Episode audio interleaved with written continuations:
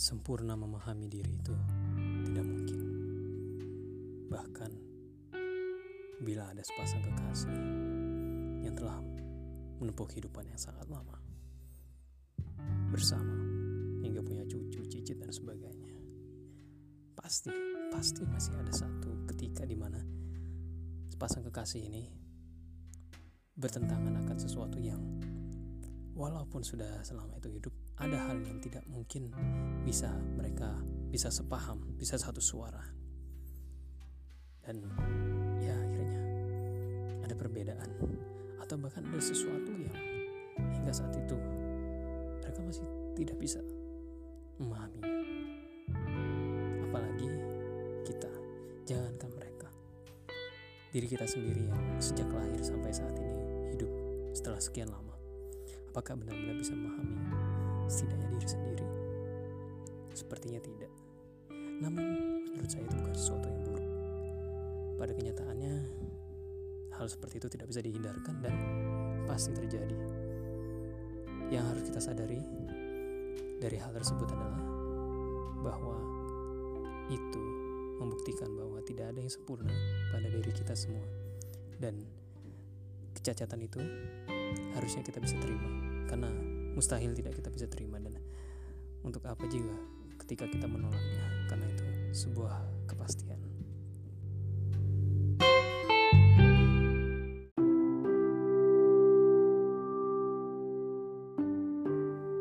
Mengupayakan hasil yang sempurna sampai menyiksa diri.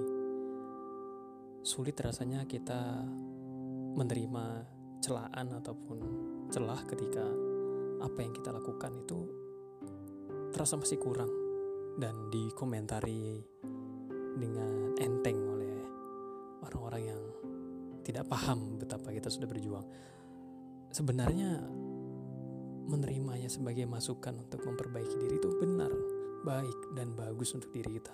Yang jadi masalah adalah ketika kita terobsesi berlebihan sehingga menjadikan itu beban pikiran dan sebagainya yang itu malah membuat kita stres.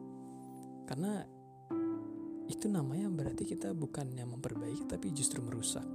Yang kita lakukan adalah menerima itu sewajarnya dan mengupayakan yang terbaik, namun bukan berarti merugikan diri kita sendiri dengan melakukan segala sesuatu secara berlebihan.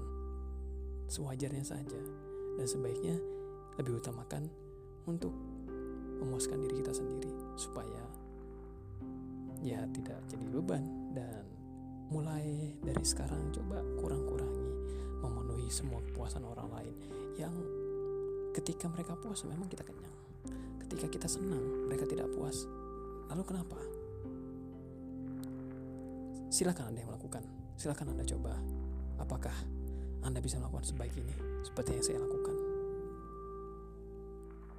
Sepertinya mereka tidak akan bisa langsung menjawab iya ataupun benar-benar mau melakukan apa yang telah Anda lakukan. Karena ya begitulah nyatanya manusia yang kita hadapi.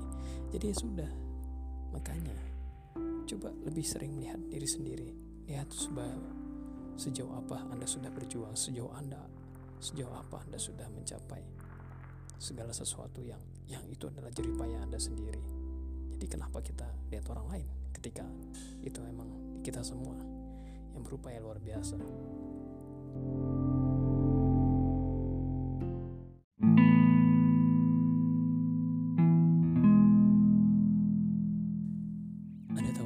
Sia-sia dilakukan, membuat semua orang menyukai Anda dan menuruti semua kemauan orang terhadap diri Anda. Lebih baik saran saya adalah hindari hal tersebut. Kalau bisa, jangan sampai mengusahakannya sama sekali. Kita cukup fokus pada sesuatu yang ada. Anda tahu di sekitar Anda, siapa pun Anda, ada orang yang sangat peduli dan mencintai Anda. Ketika ada sedikit saja kabar gembira yang datang dari Anda, maka mereka akan sangat senang. Ada kabar sedih yang datang dari Anda, maka mereka juga akan sedih. Mereka tidak meminta Anda mendoakan, mereka tetap sukarela mendoakan. Mereka tidak menuntut pembayaran untuk membantu Anda, mereka akan datang membantu Anda. Ada orang seperti itu. Kita fokus pada mereka.